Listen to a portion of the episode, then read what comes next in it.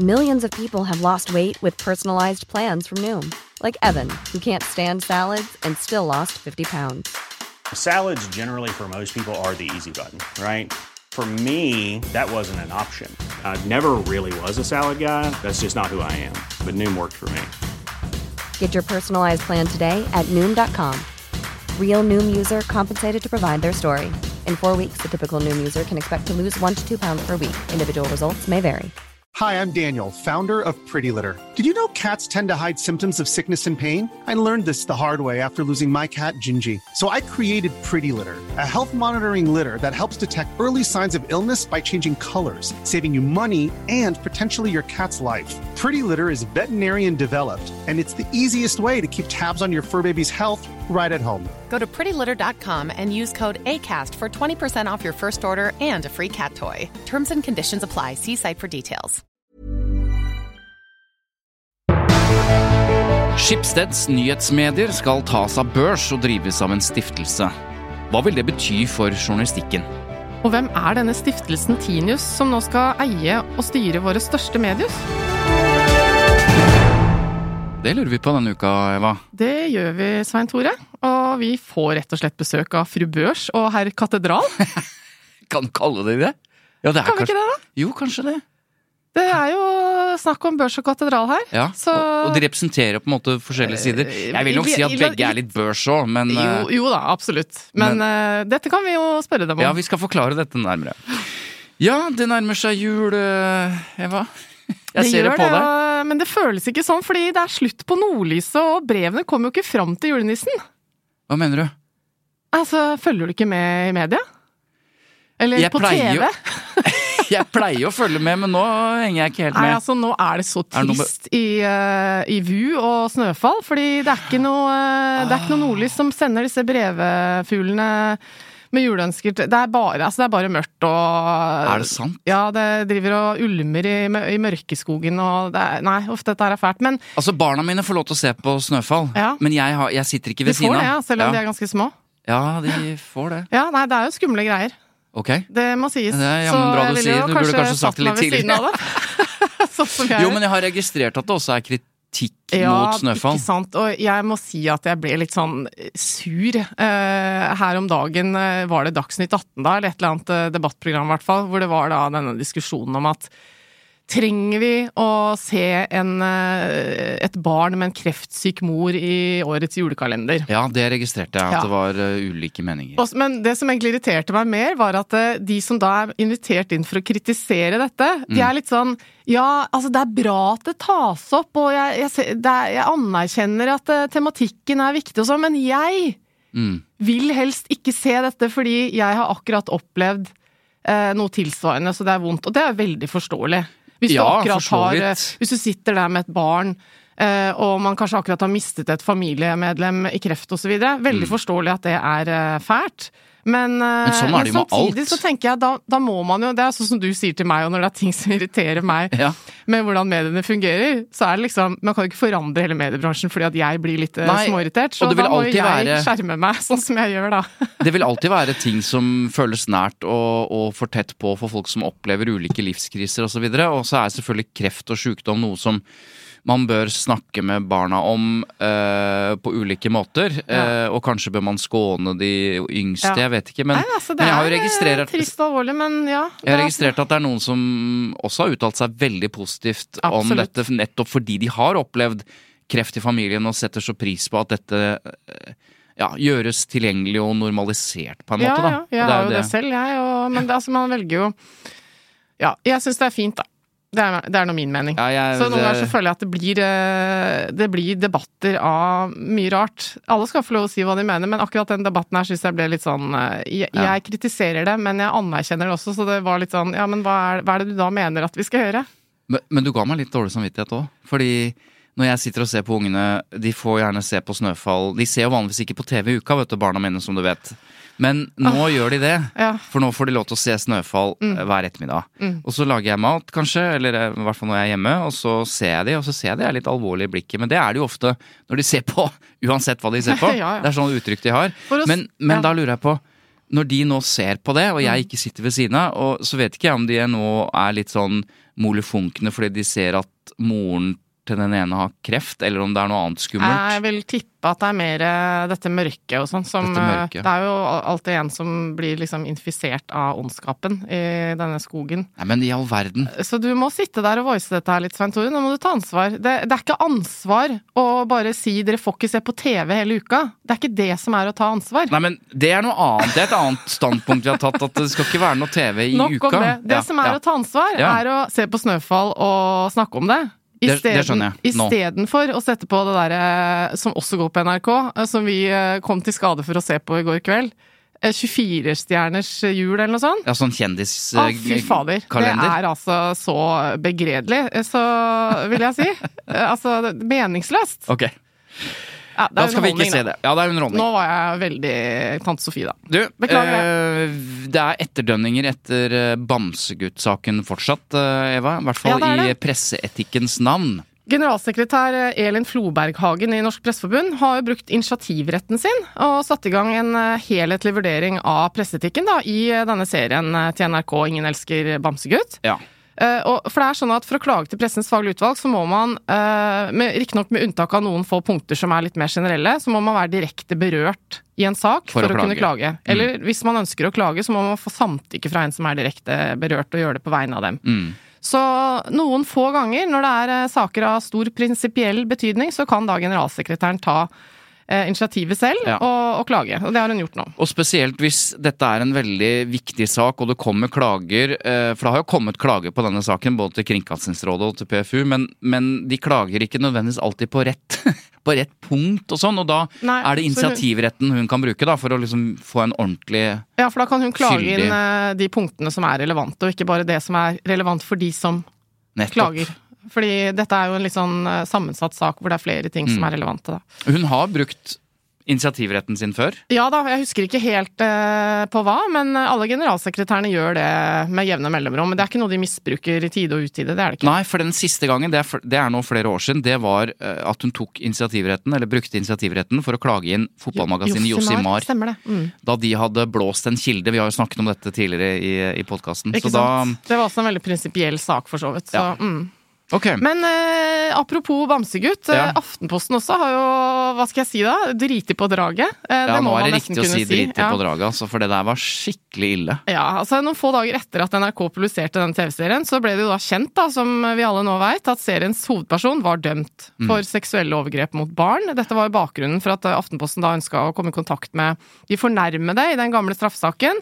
Og uttalelser fra flere av dem eh, ble grunnlag for en artikkel som Aftenposten Ja. publiserte i november. Og bare si det, Aftenposten har jo også vært litt sånn nyhetsledende her. ikke sant? De er de som har vært kritisk til NRK. de, Ja. Pletten skrev denne første Stemmer kommentaren ja. osv. Så, videre. så, Mm. så Aftenposten har vært liksom både mediekritisk og vært på ballen. Og så skal de snakke med Med de fornærmede, da. I som de da har funnet ut av hvem er, og så. Og uh, i arbeidet med den artikkelen så gjorde de da en alvorlig feil. fordi at det, de, sa, de skal da kon ta kontakt med en av disse. mm, eh, Men de tar ikke kontakt direkte. De ringer eh, til en person i samme husholdning. Altså i samme Vedkommende hus er eller kanskje da familie. ikke hjemme, ikke sant? Ja.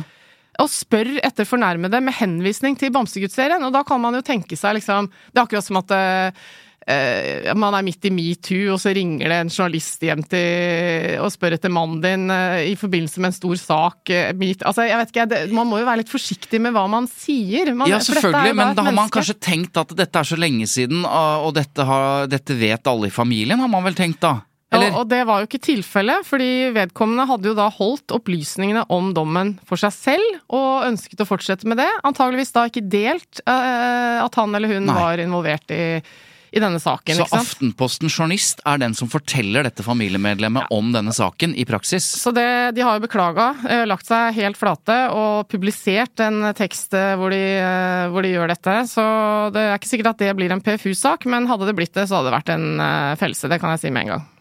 Altså det er, eh, Man kan jo forstå at eh, dette er en menneskelig feil. Altså Det er Ja journalisten som har, eh, har gjort feil. Men den er altså så formidabel. Altså Man må være så forsiktig, spesielt med sånne saker. Ja. Altså det er, Bare sett deg inn i det. Altså Tenk om det, hvis jeg hadde vært utsatt for noe grusomt eller gjort et eller annet La oss si jeg hadde tatt et liv, da. For 30 år siden. Og så starter jeg en ny familie, og så ringer en journalist 30 år etter. 'Jeg skal snakke med mannen din, det gjelder det drapet han er dømt for'. Hva, men, hva mener du? Ja. Det er jo helt Ja, det er helt, eh, helt eh, natta, rett og slett. Men jeg så den beklagelsen, og den var fyldig, for å si det Ja. sånn. Det var jo som det skulle vært en hel, nesten en hel kommentar, som Ja. var eh, trykket både eller, digitalt og, og på papir. Da, Og de har lovet vedkommende da å bruke det til læring internt i redaksjonen. Ja, Ja. det håper jeg det gjør. Men du, Ok, ja. eh, litt bakgrunn føler jeg er nødvendig før vi går til ukas sak. ja. For denne store eh, saken, vi må nesten si det til lytterne våre med en gang. Det er, det er en veldig stor mediesak som har skjedd denne uka her, som vi hadde i overskriftene våre. Men det er jo snakk om eierskap i media, så vi må prøve å finne ut hva det har å si for journalistikken, som er vårt anliggende, da. Ja. Vi skal ikke sitte her og snakke om eh, børs og liksom, eh, transaksjoner i seg selv, Nei. men hva det betyr for deg og meg, og alle dere som hører på. Hvis det betyr noe i det hele tatt, da. ja, nettopp. Hvis det betyr noe i det hele tatt. For det er jo sånn at Amedia, Skipsted og Polaris Media, det er de tre største eierne i det norske avismarkedet. Ja. I 2022 kontrollerte de til sammen 73,4% av det totale avisopplaget, ifølge en fersk undersøkelse som Medietilsynet har gjort. Da. ja. Det er mye. Det er veldig mye, ehm, og denne eierkonsentrasjonen har vært økende da, siden eh, 2016. Og av 244 aviser, det er ganske mye, i 2022 i Norge, så sto kun 58 aviser utenfor disse eh, store konsernene, da, eller utenfor strategiske partnerskap med dem. Så det, det vil si at det er eh, bare sånn litt over 25% som er, hva skal vi kalle dem? Ikke uavhengig, for det er jo forhåpentligvis alle mediene, Ja, men, men er som er uten, uh, utenfor disse store eierkonstellasjonene Man kunne jo sett for seg, da, hvis du ser si, dagligvarebransjen, da. Det er jo også en sånn konsentrert ikke sant, Norgesgruppen og Rema 1000, det er sånne store giganter. Hvem er utenfor det nå? Mm. Liksom, Det er jo kanskje ingen frittstående dagligvarebutikker Ja, det er han igjen. landhandleren på hjørnet. Ja, som egentlig ikke eksisterer lenger. Men i, Jo da, rundt der jeg bor så er det mange. Bare det er vent. Knut og Amir og det er masse folk ja, som er- har sånne noen sånne. småbutikker. Men det er noen også som vi tror er uavhengige, som egentlig også er en del av det. Men Ja. poenget er i hvert fall at på samme måte som eh, dagligvarebransjen har blitt konsentrert, store, veldig store eiere som har tatt kontroll over de fleste butikkene, så har mediebransjen men disse tre store konsernene tatt kontroll over de fleste avisene. Ja. La oss eh, bare name-droppe noen som vi kom på, som er helt utenfor disse. Jeg kan, jeg kan ikke komme på noen, jeg. Klassekampen, Ja. Jo, det er sant. Filtermedia? Ja. Manifestmedia? Ja, nå er vi nede på folk, Ja, ting ja, som folk folk ikke har hørt om. Nei, eh, Morgenbladet er jo, Ja, Morgenbladet. er jo eid av Mentormedier, som er også et sånt konsern er som eier flere. Nei. Mm. Men Må det er være riktig. Og så er det noen lokalaviser her og der, men de er jo i- stor grad eh, hentet inn i A-mediasystemet, da. Ja, og så er det også sånn at uh, Skipsted er jo opptatt av de store Subjekt. Det er også fri, ja. Ja. Fri og uavhengig. Fri, fri uavhengig. Det Men, er det men, men bare sånn for øh, Hvis vi skal prøve å mm, hjelpe folk, da. Altså Skipsted er jo opptatt av de store avisene. Ja. VG, Aftenposten og de store, det vi kaller eh, regionsavisene. Bergens Tidende, Stavanger Aftenblad. Ikke sant? Ja.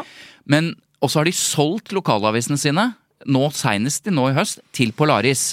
Mm. Polaris har tatt over en del av Skipsted-avisene, de mindre Skipsted-avisene. Det er sånn som uh, Vestnytt og Askeværingen og Strilen og Bygdanytt, og alle hører at det er da ute på Vestlandet. Så så en del av de avisene er gått til Polaris, og så har, har media tatt kontroll over liksom hele Norge, føler jeg. Og nå fikk vi ikke en nyhet nå om at Amedia har blitt større enn Skipsted. Jo, stemmer det. For første gang så er de bitte litt større. Jeg tror det var et halvt prosentpoeng eller noe sånt. Ja, men det er jubel i taket da, er det ikke det? Ja, sikkert. eh, Ja, media. Vi har alltid tenkt at liksom Skipsted er det største. Ja. De er også eid av en stiftelse.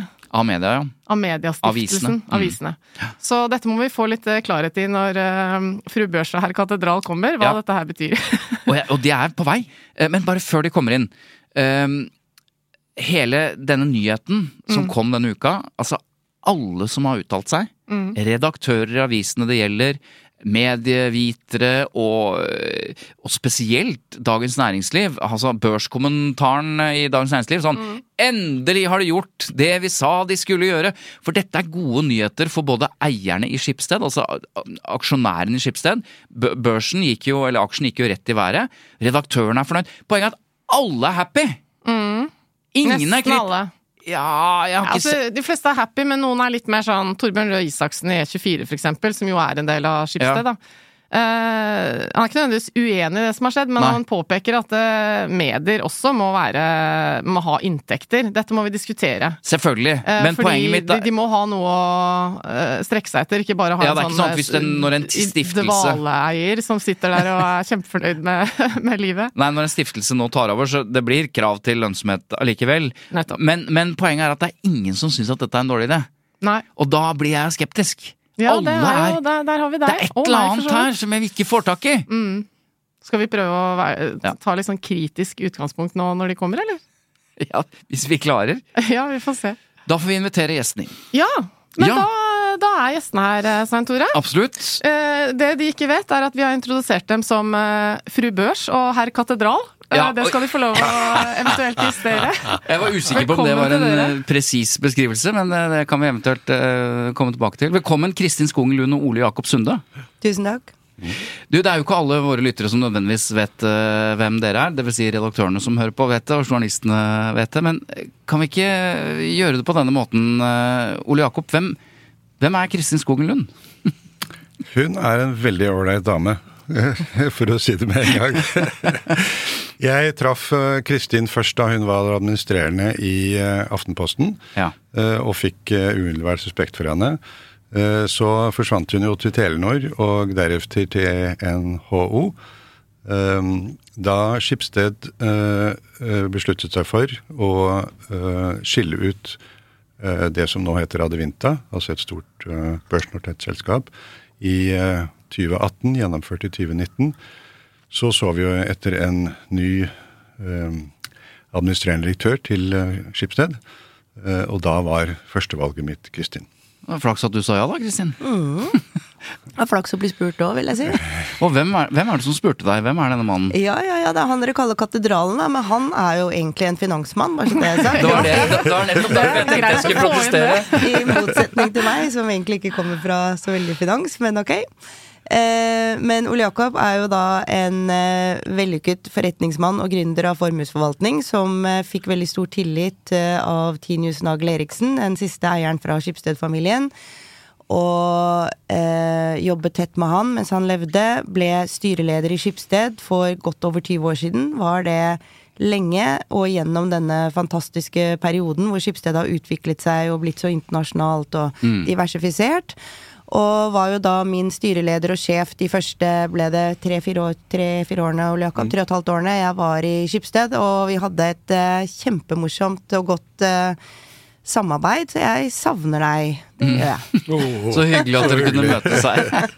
Og så skal vi jo legge, vi skal legge til at Ole Jakob ikke bare er eh, styreleder i uh, Tinius, uh, som vi skal komme tilbake til hva er, men du er også styreleder i en svært internasjonal stiftelse som heter The Scott Trust, nettopp, og de eier The Guardian, blant annet. det er riktig. Så det er en internasjonal størrelse vi har fått i studio. Vi har tatt med en slips og det hele, sånn at uh, dette skal være ordentlig. Det har ikke jeg. Nei, jeg ser det. Men- Noen snobber ned, noen snobber opp. Ja, Kan jeg få lov å si noe med en gang? gjerne. Bare bryte inn? Ja.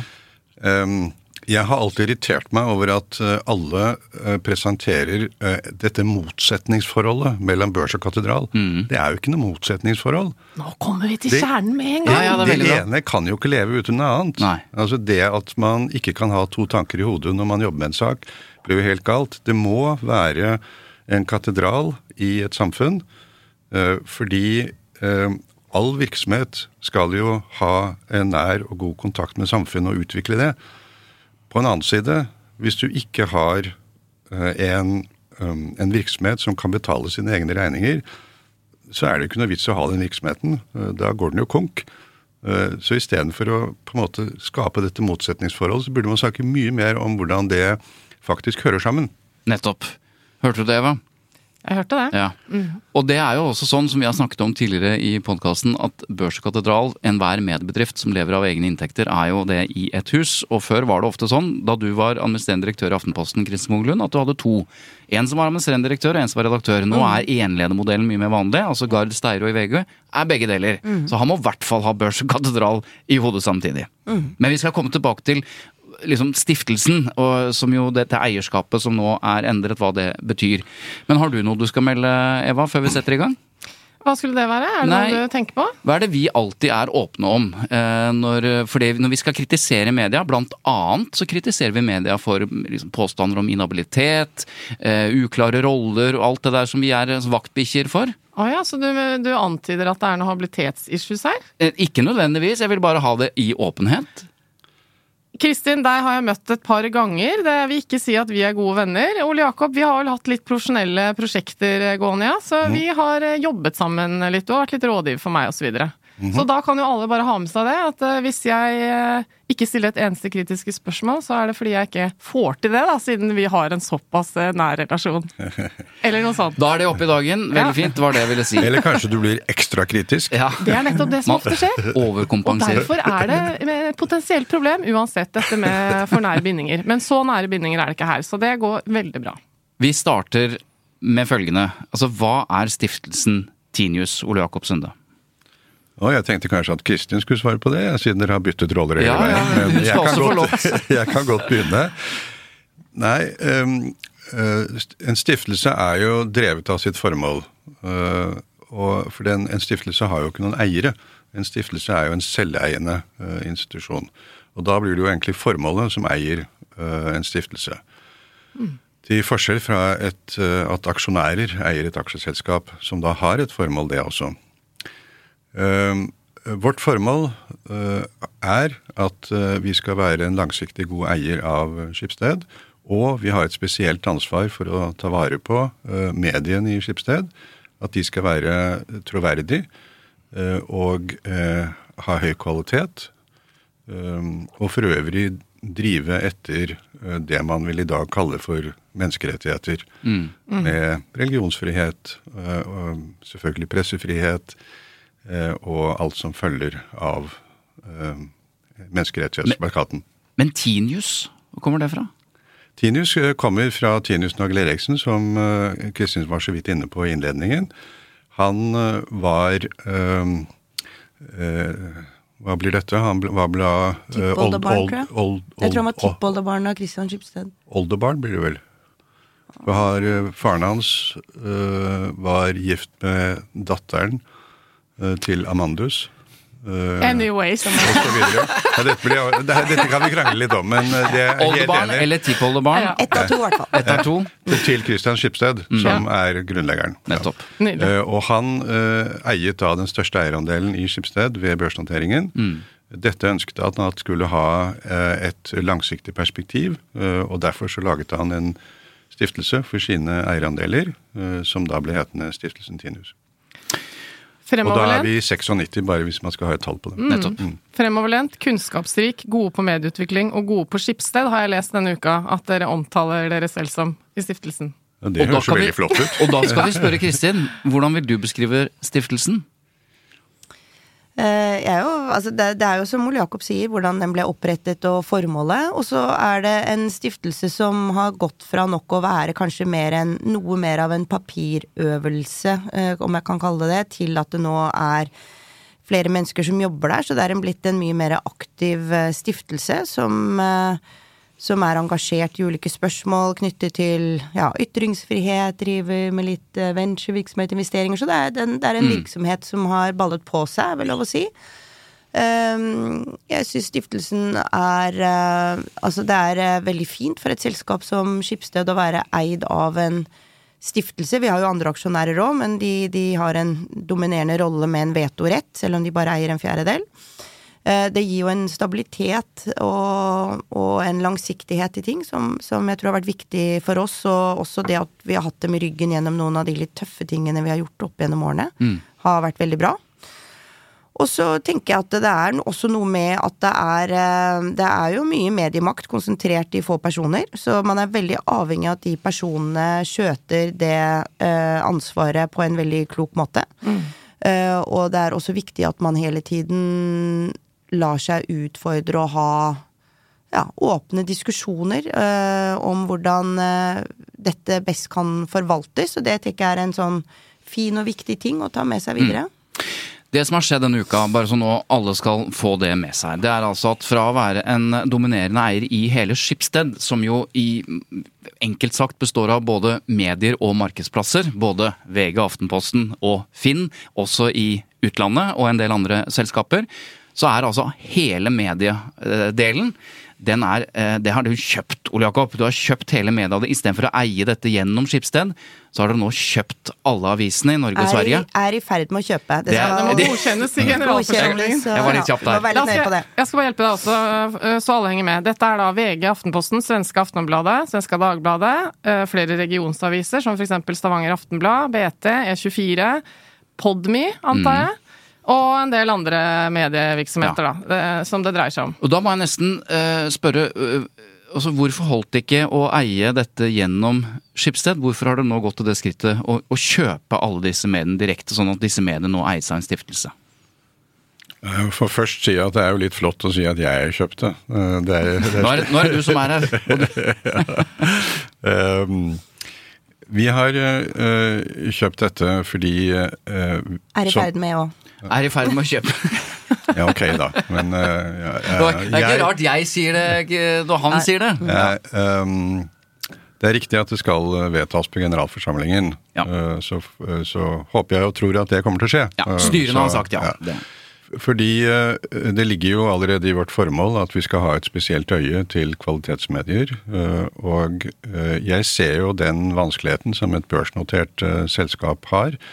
Eh, Hvor man på den ene siden da har eh, børsens krav til avkastning, eh, som ofte kan da uttrykkes i tall og være litt mer kortsiktig orientert. Eh, Mens det mediene trenger nå, etter stiftelsens vurdering, er jo en eh, mer tålmodig og langsiktig kapital som kan se medieutviklingen i et lengre perspektiv. Um, Det er, eh, mener jeg, store utfordringer for mediene fremover. Det er store teknologiske endringer, som man vet, med kunstig intelligens osv. Men det er også, kanskje mindre omtalt, eh, ganske store endringer i hvordan eh, folk flest bruker medier. eh, Hvordan de leser det. Og eventuelt hvordan de ikke leser det, for det er det ganske mange som ikke gjør. Det er endringer i reklamemarkedet. Altså det er en, mange store endringer som man må prøve å mm. løse. Og da trengs det en litt lengre horisont. Går det an, Ole Jakob, å prøve å uh, sette dette her i kontekst litt mer konkret? Altså, hvis det, det er en utfordring at man er børsnotert som et medie, kan det da være så konkret at uh, man trenger å gjøre en investering, man trenger å jobbe med en uh, digital utvikling, et eller annet konkret, som man ikke kan gjøre fordi neste kvartal har noen krav på seg? Kan du ikke prøve å forklare for de som ikke forstår dette børsgreiene helt, hvilken Jeg vil heller si det kan ha? at eh, motsatt. Skipsted har jo vært en veldig god eier både av markedsplassene og av uh, avisene, bare så det er sagt. Eh, Uh, men det er jo ofte slik at en kapital trekkes til det som er mest lønnsomt. Det gjelder jo for oss alle. At uh, hvis vi ser en god mulighet, og, så, så vil vi jo kanskje heller være på det vinnende laget eh, enn på noe som ser ut til å ikke klare seg så bra. Eh, så, um, og der er det jo litt slik at i Skipsted så har man jo rubrikkannonser. De er veldig lønnsomme, har vært det lenge. Nå er de gjennom en omstrukturering, men fortsatt lønnsomme. De vokser. Så de har jo en finansielt eller økonomisk sett eh, bedre reise for tiden enn det eh, mediene har. Og det er jo derfor f.eks. Uh, børskommentatoren i Dagens Næringsliv sier endelig har Skipsted gjort det som jeg har sagt at de skal gjøre i flere år. Eh, også fordi aksjonærene har vært opptatt av det du sier, at det mest lønnsomme er åpenbart eh, markedsplassene, mens mediene har vært det mediene er med de utfordringene. Og Kristin, hvis, når alle nå er så enige om at dette er bra og det er bedre for langsiktig tenkning rundt journalistikken, og så skyndte man seg å si at ja, men Skipsted hadde vært en god eier. Men det er åpenbart så mener jo folk nå, både kjøpere og, eh, og andre og redaktører skal vi høre fra snart, at dette er en god idé. Eh, kan du si litt om hvordan det ser ut fra ditt ståsted som sjef i Skipsted? Ja, det kan jeg. Det, altså det med hvordan Skipsted skal være sammensatt, det har vært en sånn evig diskusjon lenge før jeg kom inn i sjefsstolen. Og en, en konsekvens av det var jo at vi skilte ut disse internasjonale rubrikkvirksomhetene i Adevinta, som da var blitt veldig veldig store og, og dominerende innad i konsernet. Som nå også eh, er ute av Skipsted, ikke sant? Nå skal det selges eh, Delvis. Vi selger 60 av innehavet vårt og blir Riktig. sittende igjen med 40. Riktig. Forklar litt ja. eh, for lytterne Adevinta, bare sånn kjapt. Ja.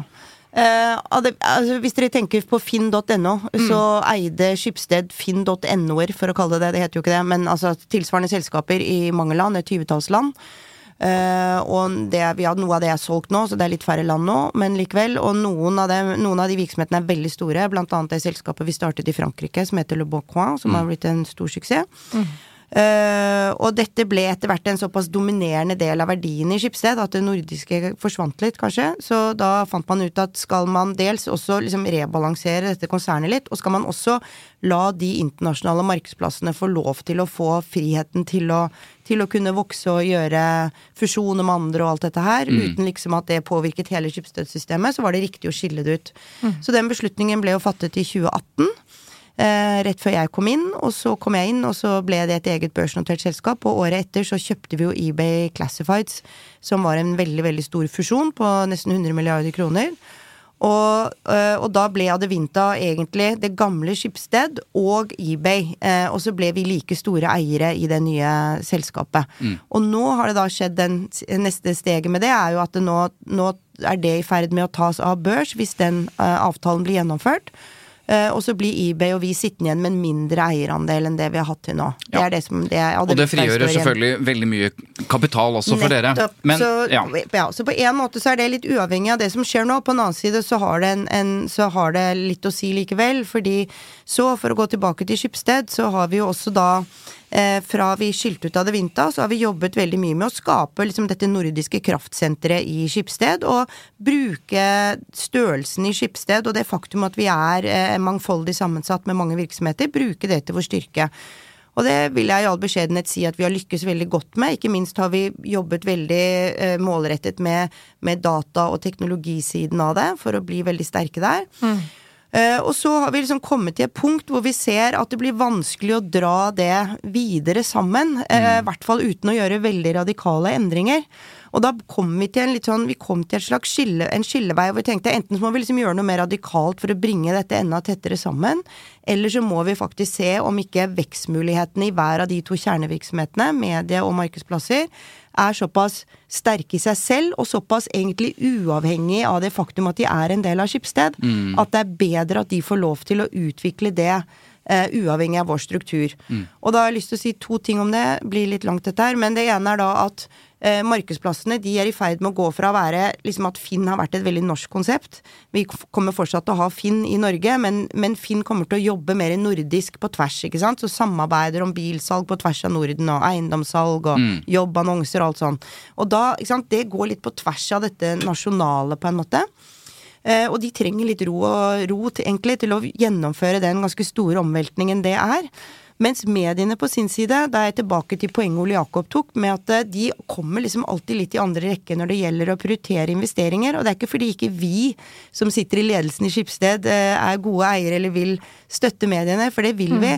Men, men det er ofte vanskelig i forhold til våre andre aksjonærer å forsvare store investeringer i media når det er mindre lønnsomt enn markedsplassene. Og da blir jo eierstrukturen plutselig en slags hemsko. Ole Jakob, replikk her. Eh, Ja, øh, jeg vil bare si én ting. og Man tror kanskje at øh, sånne beslutninger som nå er blitt tatt, er helt sånn sort-hvitt. At mm. det er liksom åpenbart at man skal gjøre det. og som Kristin er inne på Lenge før Kristin kom inn, helt tilbake i 2013, så var jo dette første gang vi diskuterte det. Mm. Fordi det er litt motstridende. Det er, altså det er krefter som absolutt trekker det sammen, og det er krefter som trekker i hver sin retning. Eh, Og lenge har jeg ment, og Kristin og flere, at det har vært best å holde det samlet. Det er mange fordeler, uten at jeg skal gå i detalj på det. Og så kommer du til et punkt hvor det kanskje er slik at det vipper litt i motsatt retning. Og det er litt det som skjer nå. Men la oss gå vekk fra hva som er bra og ikke bra for Skipsted og hele den selskapsstrukturen og dette store internasjonale selskapet som nå har blitt, eh, og, og konsentrere oss om hva det betyr for VG, for Aftenposten, for Stavanger Aftenblad, Bergens Tidende osv. Fordi jeg blir alltid litt kritisk når alle jubler. Altså, jeg har ikke sett en eneste kriti nærmest kritisk kommentar om dette valget, eh, dette salget, eller kjøpet. Eh, det er noen som bare har minnet om at det blir, ikke, det blir fortsatt viktig å være lønnsom osv. Men det er nesten ingen som er kritisk til det. Og da lurer jeg på eh, Er dette, da- er dette journalisten i det? som Jeg vet ikke, men eh, jeg liker det ikke. Forskjell på å være kritisk. jeg trenger ikke å være kritisk, men, men la meg stille spørsmål på denne måten. Hva er grunnen til denne jubelen, tror du? Hvorfor, hvorfor er alle så happy? Jeg, jeg tror at uh, det er avhengig av hvor de sitter hen, da. Um, um, så for å svare på, um, uh, på på ledere og ansatte i nyhetsdelen, uh, så tror jeg at de ser at her kan de få en eier som har et veldig sammenfallende formål med det som er uh, nyhetsvirksomheten i Schibsted sine formål uh, som har tro på uh, at her er det mulig å drive dette godt og lønnsomt i et evighetens perspektiv, nærmest. Eh, og at det gir grunnlag til fornyet optimisme. Eh, så vet jeg ikke om du Kristin vil snakke om børsen, men eh, Nei, Det er påtagelig hvor positive folk er. men- Jeg- jeg- jeg, kan godt snakke, jeg kan godt snakke om Ja. børsen også. Ja. Um, det er klart at sånn som børsen har sett det, så er det et sammensatt selskap uh, som har litt forskjellige virksomheter. Uh, og de, uh, det har lenge vært en oppfatning i børsmarkedene at det ville vært bedre for å hente frem de verdiene som har ligget i Skipsstedet over lang tid, at det blir målt hver for seg, enn at det blir målt samlet. Kristin, det er påtagelig, sa jeg, og du er enig. Hva, hva tenker du når du Nei, for det, altså det, ja, vi hadde en oppsummering av alle reaksjoner og sånn i går, og, og da kunne vi konstatere at eh, det var kanskje At det har blitt veldig godt tatt imot, og det har gått veldig fint, og det er jo jeg umåtelig glad for. Dette har vi jo jobbet med lenge og planlagt nøye. men så det er jo veldig lettet over det, så det er bra, bare så det er sagt. Men eh, det kan jo hende at noe av euforien i media er litt overdrevet, fordi det er klart det er lett å tenke åh, nå kommer liksom stiftelsen, og nå blir det liksom ikke like tøft lenger, og det blir ikke like mange kostnadsprogram og Men ikke sant, det, det der må jeg nok helle kanskje litt salt i det såret der og si at eh, det kommer sannsynligvis ikke til å endre seg så veldig, fordi det blir, eh, det blir de samme kravene til at mediene må være lønnsomme. Men når du ikke er på børs, så kan du kanskje stå noe mer stabilt gjennom en del sykler, da, for det er veldig syklisk med reklamemarked og sånne ting. Så du, liksom, du, du kan se det over litt lengre horisonter enn du kan kanskje som et børsnotert selskap. Men det, det endrer egentlig ikke så veldig mye. Det må i hvert fall jeg få si ganske tydelig. Ja, Men det, det, det kan jeg bare bekrefte. Altså det, vi kan jo ikke drive dette videre uh, som en filantropisk virksomhet. Det går jo ikke. Nei. Eh, det er jo fordi at vi skal ha lønnsomhet eh, fortsatt. Det mener jo til og med altså Alle jeg snakker med som jobber i den redaksjonelle delen av virksomhetene, eh, er jo enig i det. Det er jo ikke noe uenighet om det. Og da går jo pengene, når det er lønnsomt, tilbake og kan investeres i journalistikken. Det er riktig. Ja. Og det kan vel eh, redaktører og, og ansatte i A-medieavisene også skrive under på, at selv om de som Nå blir det jo likt, da. Skipsted skal drives som en stiftelse, eller avisene skal drives som en stiftelse, på samme måte som A-media. men det har vært mye fokus på lønnsomhet og, og god drift i Amedia-konsernet. Dette konkurranseforholdet mellom Amedia og Schibsted som har vært ganske skarpt. ikke sant? Det er de to største aktørene. Eh, Det har ikke i hvert fall sett konturene av så mye samarbeid ennå. Fordi eh, Rett og slett fordi det er eh, Det har vært vanskelig, da. Nå har det blitt drevet som en stiftelse, Schibsted som et aksjeselskap. Hva tror dere vil skje med de to største medieselskapene nå som begge drives som en stiftelse? Altså, det jeg kan si til det er at jeg har lenge, øh, og jeg tror det må være åtte-ti år, tatt til orde for at øh, norske mediebedrifter burde samarbeide mye mer. Eh, Og det er jo fordi at den største konkurrenten er jo ikke den som er tvers over gaten. Mm. Det er jo teknologiselskapene mm. som både når det gjelder leserinntekter og når det gjelder annonseinntekter, truer mediene. Mm. Så vil jeg også si at eh, det er galt at det ikke har vært en god del samarbeid på tvers, uh, f.eks. med Amedia. Eh, Det har jo både på distribusjon og trykk og andre sider, eh, de deler av virksomheten, så har det jo vært et samarbeid. Men det har vært beinhard konkurranse, og det er flere ja, som har påpekt ja. det. at det er, Og, og Kristin, skal det være. Kristin, kan det være Altså, hva, har- hva skal avslutte dette, denne biten nå, men denne, dette konkurranse- eller samarbeidet mellom A-media, hvordan vil det, tror du, utarte seg nå som begge er stiftelse, og, og den ene parten trenger ikke å tenke på nettopp eh, det bakenforliggende som som ligger igjen i et, Mm. forskjellen på, på stiftelse og børs, da. Jeg tror ikke det kommer til å endre seg så veldig, faktisk. Jeg tror, ikke, jeg tror liksom ikke i det operasjonelle at dette kommer til å ha all verden å si, altså. Jeg gjør ikke det. Men for deg, da, som, som har, sikkert har hjertet ditt eh, i kvalitetsjournalistikken, du kommer jo fra Aftenposten osv. Du skal jo nå ikke lede medievirksomheter lenger. Nei. Hva tenker du om det? Jeg, nei, jeg syns jo, altså jeg har jo vent meg veldig til tanken, og gitt at jeg er enig og har vært med på dette her, så må jeg jo nesten ta konsekvensen av en beslutning jeg selv har vært med på. Så, jeg, men jeg syns jo det er, for, det er jo forbundet med litt nostalgi for meg, det. For jeg, det er, og det er jo ikke bare, ikke bare sånn for min egen del og sånn. Jeg tror veldig mange i Skipsted føler det. Jeg tror veldig mange har hatt en stor stolthet rundt mediene. Det var litt interessant, Vi har eh, et styremedlem fra Aksel Springer, og hun sa at det var, liksom, var motsatt der. da, at liksom Fordi det var så mye tabloid, og det var alltid så mye liksom sånn kritikk rundt mediene deres, så var det nesten en sånn litt sånn negativ greie. Mens i Skipsted så er jo det en stor kilde til stolthet for alle som jobber der. Så det tror jeg veldig mange i Skipsted føler på, og jeg holdt på å si takk og pris, hvis ikke så hadde det jo vært noe ordentlig galt, hvis ikke vi alle satt litt med den følelsen, da. Og jeg kan si motsatt øh, på stiftelsens vegne. Vi skal jo fortsette å eie rubrikkannonsene. Øh, Og mener jo at det også er en veldig flott virksomhet, mm. som er samfunnsnyttig så det holder. Mm. Så det er jo to flotte virksomheter, og man kan bli glad i begge deler. Du sa vi skulle videre, men jeg vil ikke slippe helt det Ole Jakob var innom. Eh, internasjonale teknologigiganter, som du tegner opp som en av de største utfordringene eller konkurrentene. Kan ikke du si litt mer om det? Hvorfor er det et problem? Altså På leserinntektssiden så er det et problem fordi at eh, i større og større grad så blir de Så legger de seg mellom nyhetsmediet mm. og leseren. øh, Slik at nyhetsmediet... Med plattformene sine, mener du? Med, med Facebook osv.? Ja. Mm. Så du er ikke lenger, særlig i utlandet gjelder dette, da, i Norge er det litt annerledes, øh, så går du ikke rett til nyhetsmediet. Det gjør man i Norge rett til VG. Ja. Jeg er jo et sånt der- eksempel. Vi har ja. snakka mye om det tidligere. Ja, men der, så, så, man går eh, rett til eh, Facebook eller rett til et annet eh, teknologigigant, mm. og så blir man bruker der. Og da skyves mediebedriftene vekk fra sine egne brukere. eh, Og det, eh, etter, etter hvert får det også konsekvenser for hvilke inntekter eh, som man får fra sine lesere og sine brukere. Eh, Så det er problemet på abonnementssiden, og på annonsesiden eh, så har jo disse plattformene vært veldig flinke til å bygge annonsesystemer ved at de suger opp veldig mye data eh, fra alle som er i nærheten av Facebook eller Google eller de øvrige plattformene. Og så bruker de det eh, til å skape effektiv reklame, og igjen skyver mediene til baksetet. Eh, og, og begge de to tingene eh, et, ja, gjør økonomien for en avis vanskeligere.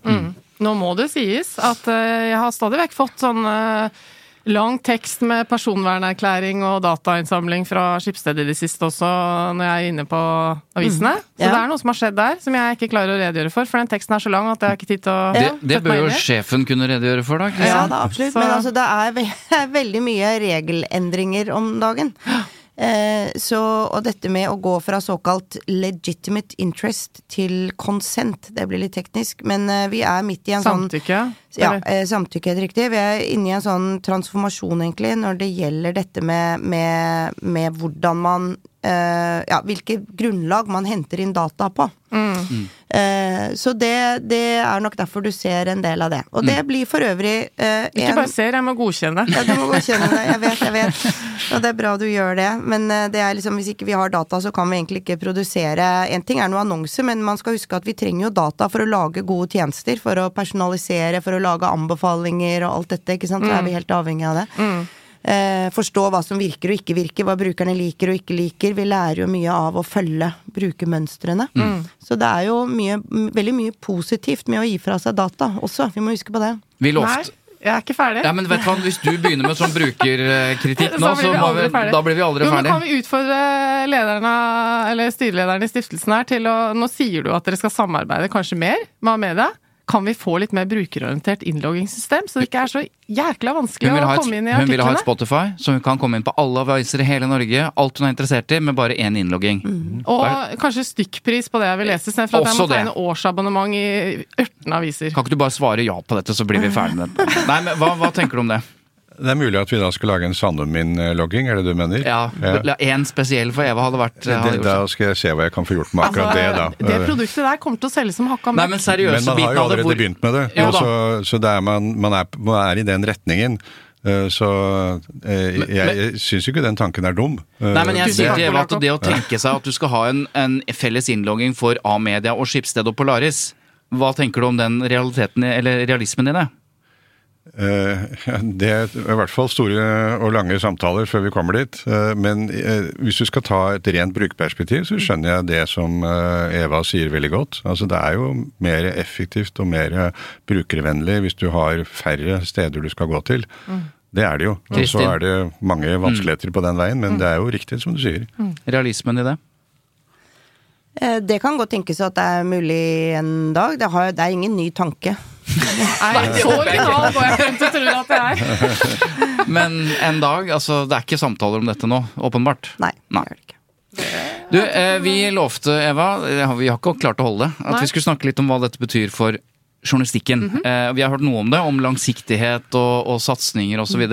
Og så er det noen som har advart, ikke vært kritiske eh, til dette, men som har advart om at jo, det må være lønnsomme aviser. Og det er jo et eller annet med at tilførselen på kapital når man virkelig trenger det også, det er ikke sikkert det er mye lettere en stiftelse enn det ville vært i et børsnotert selskap som hadde den kraften. Det, vi skal ikke lenger inn på det, men jeg har lyst til å spille av et lite klipp. For vi har spurt et knippe redaktører om hva de faktisk synes. De har uttalt seg om dette tidligere, det kom ikke noen overraskelser. Men første ut er eh, Kjersti Sortland i Stavanger Aftenblad, og hun sier dette om eh, at Tinius kjøper eh, Skipsted, mener jeg. Kanskje kjøper. Hvem som eier Stavanger Aftenblad vil jo ikke påvirke journalistikken i dekningsområdet. Journalistikken vil som før være uavhengig, også av eierne våre. Men vi tenker at det er bra å få en eier som rett og slett ikke får tyn hver gang det skal investeres i medierelatert virksomhet. Muligheten for å tilby Aftenbladets abonnenter tilgang til f.eks. sportsrettigheter, underholdning eller lydtjenester i framtiden har antagelig nå økt. Og det som gir leserne våre merverdi, vil jo igjen kunne bidra til å finansiere en mest mulig slagkraftig redaksjon, tenker vi.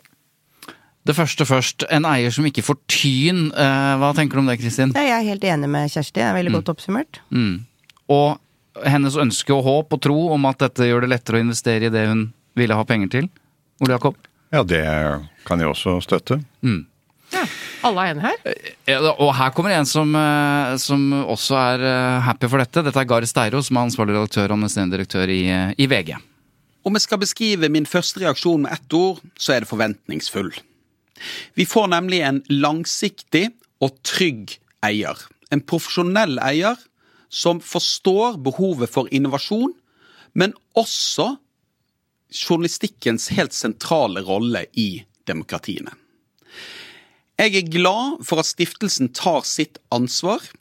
Jeg er glad for at de signaliserer en investeringsvilje i mediene. Og så er jeg trygg på at de også vil stille store krav til oss i mediene. Og det er viktig. For å være eid av en stiftelse må ikke være en sovepute. Om journalistikken skal spille en sentral rolle i framtiden, må den utvikles. Den kan ikke stå i ro. Og en avis, selv om den er eid av en stiftelse, må være også økonomisk bærekraftig. For som Tinius sa, en avis som ikke klarer å betale sine egne regninger, er ikke en friavis, og det gjelder uansett hvem som eier oss. Altså, jeg hører formelig Jeg tenker at eh, hvis dere ikke har planlagt det julebordet helt, så nå har dere i hvert fall talen klar. Jeg hører formelig flaggene vaie i skapet her jeg sitter. Han er godt oppdratt. Ja, Veldig fint. Men eh, noen korte kommentarer til det. Han, han tar jo også fram dette som har blitt eh, i løpet av kort tid favorittsitatet fra Tinus Nagel Eriksen. Dette med at det må, være, må betale sine egne regninger. Ja. Hva tenker du når du hører Gareth her? At uh, det kommer til å bli mye vanskeligere enn det han beskriver det. Eh, jeg er jo uh, i utgangspunktet um, Hva skal vi si, han er forventningsfull. Jeg er vel mer avventende. og tro, som jeg sier, tror det ligger mye hardt arbeid. Og det er jo fordi at jeg har jo sett hva som skjer på nært hold i England. Jeg har sett hva som skjer på nært hold i USA. Der er det jo eh, en avisdød. Eh, der blir jo veldig mange eh, lesere går til andre nyhetsmedier, som jeg var litt inne på i sted. Det er mange titler som legges ned. Det er store oppsigelser i mange av de store virksomhetene. Særlig fordi både reklameinntekter spesielt, men også brukerinntekter faller. Så um, her skal det gjøres mye hardt arbeid. Uh, Men jeg tror langsiktig så er det et behov for kvalitetssikret informasjon i samfunnet. Uh, og det uh, er jo det vi satser på. Ja. Kan jeg få si noe? Ja. Eh, for jeg er veldig Jeg syns det er veldig gode uttalelser her, både fra Kjersti og Gard, bare så det er sagt. Men det er én ting vi skal tenke på. Det er at mediet blir også mer og mer teknologi. Og det har vært en stor eh, fordel for mediene å være del av et større konsern som er veldig teknologitungt og teknologidrevet, og hvor det er liksom en kritisk masse i teknologimiljøene. Så det må mediene passe på fremover. At man ikke mister den der bleeding edgen som man har hatt i Skipsted. Eh, Du må se på han når du sier dette, for han har jo ansvaret nå, Kristin. eh, ja, ja, ja. Hva tror du? Men jeg, jeg Nei, men jeg mener også at ikke sant, mediene, ikke minst VG, har vært kjempeflinke til å selv ta tak i det og, Mm. og eie sin egen teknologiutvikling og bruke de ressursene som er, da. Mm, Så jeg mener at de er veldig vel skodd for å gjøre det. Men det er ikke sånn at de har vært sånne passive mottakere av konsernteknologi. Det er ikke, så, det er ikke det jeg prøver å si i det hele tatt. Men Mm. det er noe med å være stor nok og ha kraft nok når du skal utvikle og, og jobbe med cutting edge teknologi, og det håper jeg virkelig at de klarer å ivareta.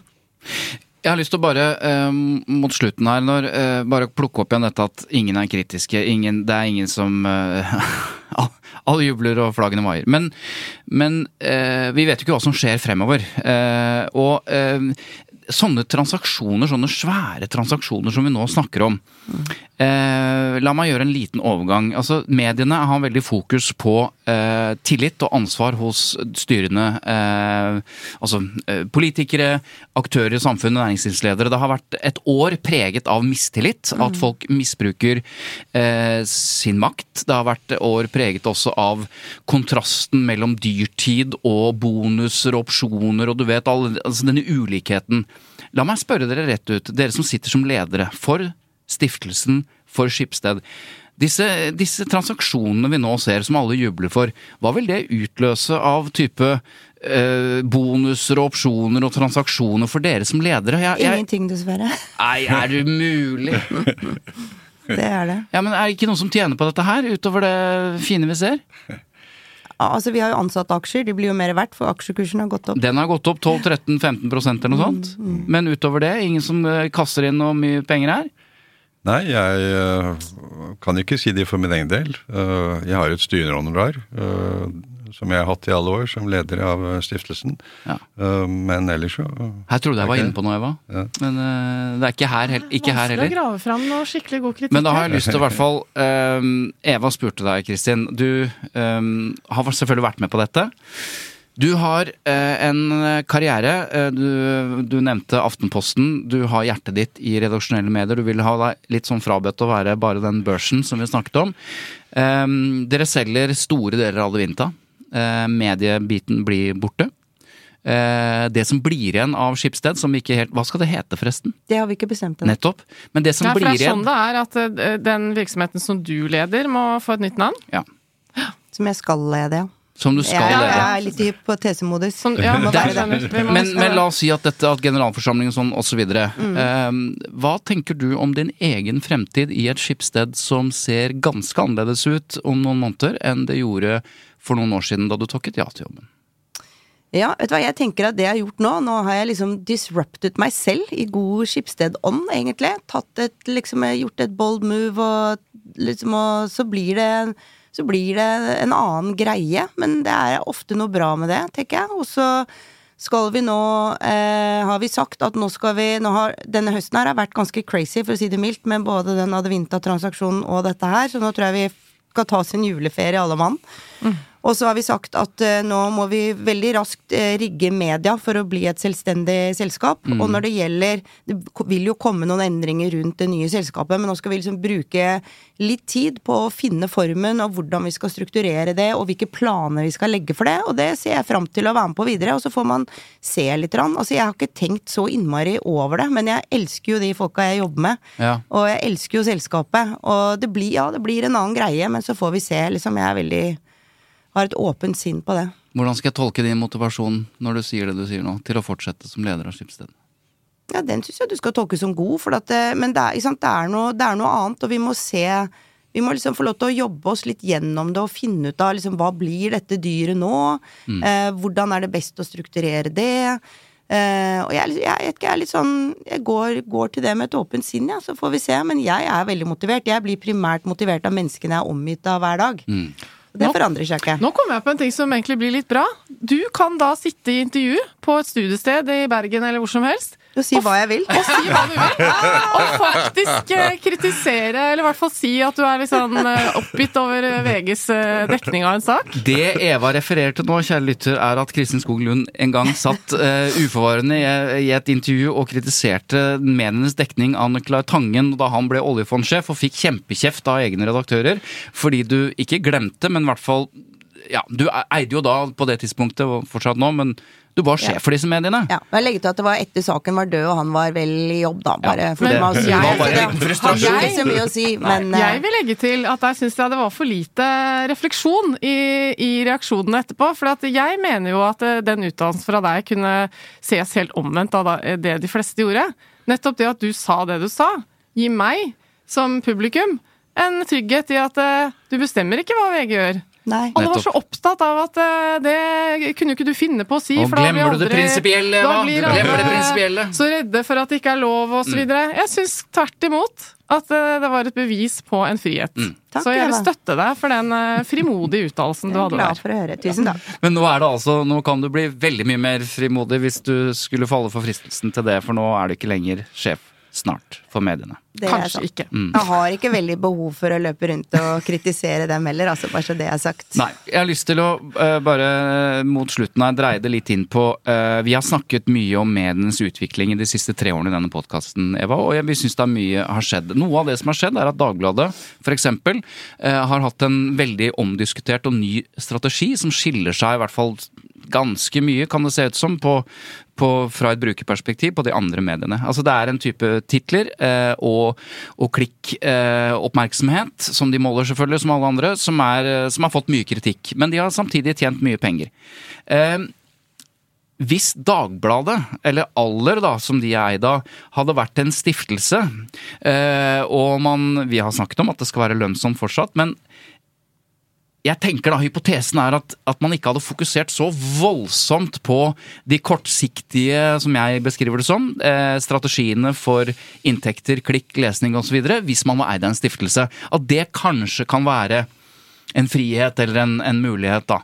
Jeg vet ikke hva dere syns om Dagbladet, det er ikke sikkert dere trenger å si noe om det, men en sånn tenkning at, at brukeren, leseren, vil få at man kan se noe annerledes eh, på det mediet man leser, hvis man er eid av f.eks. en stiftelse. Så spørsmålet er, Kristin Skogen Lund, hvis Dagbladet var eid av en stiftelse Kan man se for seg at strategien ville endret seg med tanke på hvordan brukerne får det midt i trynet med svart og rødt og hvitt og akkurat nå? Da tenker jeg at hvis man satt som en stiftelse og ikke var fornøyd med den redaksjonelle utviklingen, så måtte man jo ha skiftet redaktøren, da. Det er jo den makta du har som eier, egentlig. Men det er større sannsynlighet for at en stiftelse ville skiftet ut Dagbladet-redaktøren enn et aksjeselskap? Ikke nødvendigvis. Du kunne jo fint hatt et aksjeselskap som tenkte at det der ikke var rett vei å gå også. Hva, hva tenker du? Ja, jeg, det er jo kanskje Altså, for å si som sånn, VG er jo veldig annerledes enn Dagbladet. Det er vel kanskje svaret på spørsmålet ditt? Selv om du ikke har noen innflytelse, da. På Nei, men det har jeg virkelig ikke. Altså, dere aner ikke hvor lite jeg har med det å gjøre i hverdagen. Virkelig ikke i det hele tatt. Så det, det er noe helt sikkert. Det er jo Siv Juvik Tveitene som leder i mediene fra dag til dag. Men jeg tror nok at hvis, eh, hvis VG hadde ta, lagt ut på en en ferd mot en, eh, hva skal jeg si, et clickbait-regime ingen av oss hadde hatt noe sans for, så hadde det nok kanskje blitt eh, noen samtaler som hadde ført til at man hadde vurdert vurdert det, eh, men det hadde jo ikke vært i en direkte påvirkning eller innvirkning i det redaksjonelle arbeidet fra dag til dag. Da hadde Nei. man jo vurdert om man hadde rett redaksjonell ledelse på plass. Det er eierne som bestemmer hvem som skal sitte som ja, redaktør. det er, jo det, det er jo den måten du måtte ha utøvd den innflytelsen på. Hva tenker du om det samme eksempelet, Ole Jakob? Nei, jeg er helt enig med Kristin. Ja. Så det, det ble kanskje litt kjedelig i en podkast når du ikke De forhandlingene jeg- som har vært de siste tre månedene, har dere sittet sånn og vært enige om det meste da òg? Nei. Det, er- det er helt riktig. Okay, så da har vært det har vært ganske tøffe forhandlinger, Hva, faktisk. hva er det vært tøffeste? Åh, han- du er jo ikke så rent lite sta da, Ole Jakob. Det er vel kanskje lov å avsløre her nå? Jeg syns det er finere å være standhaftig. standhaftig, ja. Det tror jeg kan like.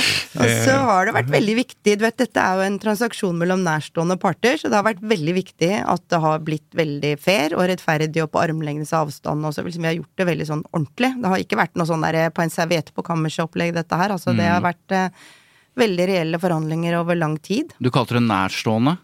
Alle vet at oppgjør i familier kan bli det styggeste. Absolutt. Ja. Det, har ikke blitt, det har ikke blitt stygt, det skal jeg ikke si. Men det, har, det er ikke enkelt, og du har helt rett. Det er ofte vanskeligere eh, med eh, både mennesker og, og, og en, en Ikke bare menneskene involvert, men også liksom hele relasjonen med at stiftelsen er jo Skipsteds største eier, og skal fortsette å være det i Skipsted. Altså, eller det som markedsplassen som blir igjen, da. Og det, gjør, det har gjort det litt mer tricky. Jeg skal ikke legge skjul på det, men jeg syns vi har håndtert det veldig bra, og vi har kommet fram til et kjempegodt resultat som alle er fornøyd med. Men det har vært, det har vært en ordentlig real runde, ja.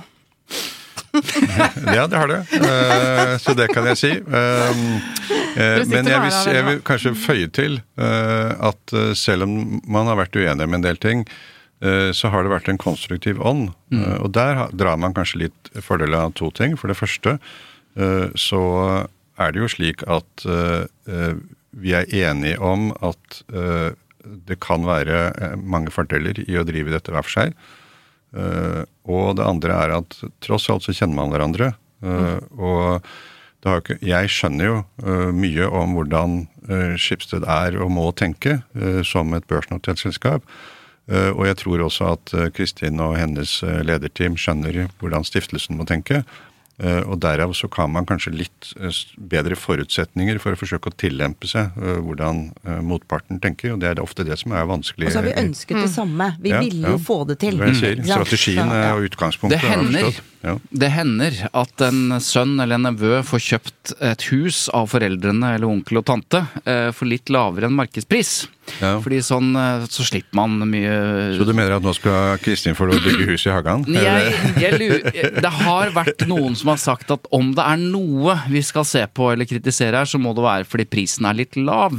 Eh, fordi onkel har kjøpt eh, eller solgt huset sitt til, til en nevø eller hva En familie. Men ja, da fant de den ene analytikeren i DNB som har verdsatt mediene høyere enn denne prisen, og du har i hvert fall 20 andre som eh, hadde verdsatt det godt lavere enn det prisen ble. Ja. Men der igjen vet vi hvordan mediene fungerer. Hvem er det da du hører fra? Det er den ene som har Det er det som er nyheter! Det er brudd på normalen. Ja. Ja, okay. Nei, vet du hva, dette er en veldig fair pris, og jeg har i hvert fall ingen problemer med å forsvare det overfor våre andre aksjonærer, at her har vi gjort en god deal. Og de er fornøyd, for nå stiger, stiger. Som driver og henter fram sånn uh, Det blir, du, overskrift. du, den ene outlayeren får kanskje av og til en litt høy stemme, er det lov å si det uten at jeg går for langt her? Det får, det får vi vente og se. Om Og jeg det- kan også si at det er dette punktet vi kanskje har diskutert mest. ja. Det forstår jeg. Men eh, nå skal vi eh, gå inn for landing, Eva. Dette med stiftelse. Ja. Kunne ikke vært Burde ikke Burde ikke vi vært en slags stift... Det høres jo veldig bra ut å være en stiftelse. Ja, det må jo hete noe annet da, kanskje, men at vi skulle lagd en Ja, vi har jo et formål. Et, eh, Det vil jeg si. et ideelt Absolutt. formål. Ikke tjener vi penger heller, Nei. så det, må, dette er Og, perfekt. og dere er langsiktige, er dere ikke det? Absolutt. Ja, det, Tikker jeg alle voksne. Eva, vi er langsiktige. Vi er langsiktige. Ja. Ja. Av natur. Nei, så dette her er noen stiftelse dere kunne anbefale? Som, eh, nei? Dere må, de må jo ha deres egen stiftelse, tenker jeg. Det må jo det. Ja, ikke sant? Ja, det kan Det er det aller beste å være sin egen, og så, må, og så kan dere da oppnevne alle, det, alle, de, alle menneskene dere vil ha med i den stiftelsen. Det bestemmer dere hvem skal være hele tiden. Lytterne er, våre, selvfølgelig! Det er veldig bra. Ja. Eid av lytterne, drevet av lytterne. Hva skulle være poenget, da? Jeg kan ikke noe om dette. Hva, hva ville være poenget med å opprette en stiftelse? At eh, deres eh, eh, lyttere mm. ville da vite at hvis de skulle komme med et lite økonomisk bidrag, Ja. så går det ikke i lomma på dere to. Sant det. eller til hvitvin til jul. Nettopp. Da blir det noe som blir i stiftelsen, og som kan brukes for å videreutvikle denne Det er jo egentlig sånn vi driver, for når jeg tenker meg om, så vi trenger kanskje ikke noe Men er det noen garanti mot at stiftelser holder julebordet, Ole Jakob? Nei, men det får jo være grenser, da. Ta litt billigere vin. Apropos hvitvin til jul. Hvordan eh, Altså, dere er eh, Nå ser jeg først på deg, Kristin, som, som konsernsjef. Du lever fra minutt til minutt, du har en opptatt liv. eh, Det nærmer seg jul. Hvordan, hvor, og nå trenger du denne jula, bare jeg minner om det. På å tenke deg godt om, om hva som skal skje videre. Mm. Hvordan blir jula for deg? Du, den blir veldig annerledes i år, for at vi er egentlig alltid på hytta vår i Rondane og feirer jul. Men vi hadde sølvbryllup i fjor. Da var datteren vår i militæret, så vi skal ha én sånn stor tur med alle fire barna, og den går til Mexico, til Yucatan. Oi. Så jeg reiser neste fredag og blir borte i to uker. Åh, det unner jeg deg. Tusen takk. Vi gleder oss voldsomt, alle seks. Ole Jakob, du, hvor skal du? Eh, Du, jeg skal være sammen med familien eh, i, på stedet vårt i Drøbak, eh, Mm. som vi alltid pleier å være. Og så håper jeg å få lange, gode skiturer ja. etterpå på fjellet. Han er jo som meg, glad i å gå på ski. Ja. Og så må han selvfølgelig til Drøbak, der julenissen er fra, for å få ordentlig julestemning. Det stemmer. Og kanskje få noen ønsker innfridd. Nettopp. Hva skal du, Svein Tore?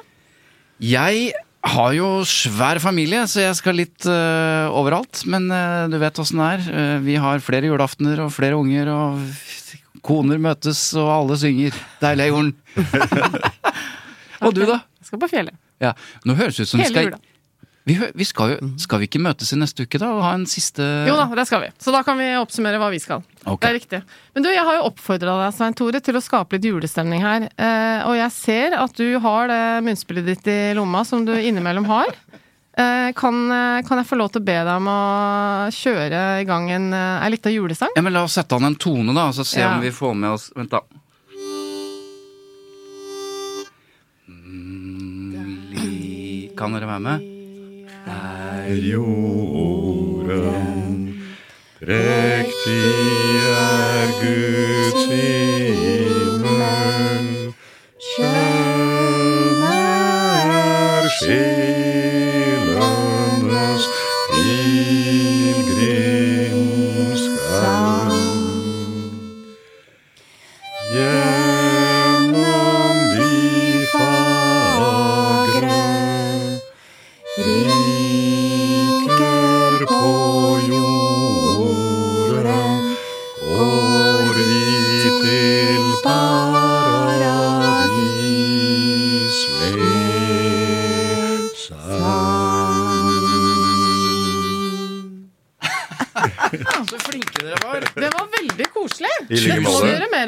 Ja, eller Det hører jo til høytiden, da, så vi trenger ikke gjøre det hver episode. Nei. Men tusen hjertelig takk for sang, og for besøk, eh, og for refleksjoner rundt eh, det største i hvert fall nyheten i 2023 i Medie-Norge. Mhm. Kristin Skogen Lund, Ole Jakob Sunde, det har vært en glede å ha dere her. Tusen takk. Tusen takk, og god jul til dere. God jul, alle God jul, sammen. alle sammen. ja. Lyder Produksjoner produserer eh, Tut og Mediekjør, må aldri glemme det. Takk for at du eh, stiller opp hver uke, Svein Tore. I like måte, Eva Sandum. Det er veldig hyggelig. Og eh, vi skal nesten love at vi gjør en avslutning til neste uke. Vi har en hemmelig gjest som kommer. Ja, det har vi! Ja. Spennende. Ja. Da blir det mer munnspill. Tusen takk for at du hører på, og eh, skal vi si god helg, da? Det gjør vi. God løpetur. God god snømåking. God- God, skitur. God skitur. Hva enn du gjør når du hører på Tut og Mediekjør. Ha det bra. Ha det.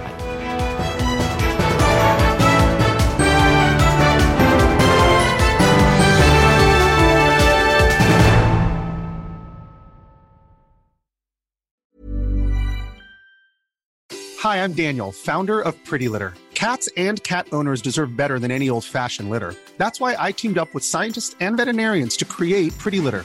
Its innovative crystal formula has superior odor control and weighs up to 80% less than clay litter. Pretty Litter even monitors health by changing colors to help detect early signs of potential illness. It's the world's smartest kitty litter. Go to prettylitter.com and use code ACAST for 20% off your first order and a free cat toy. Terms and conditions apply. See site for details.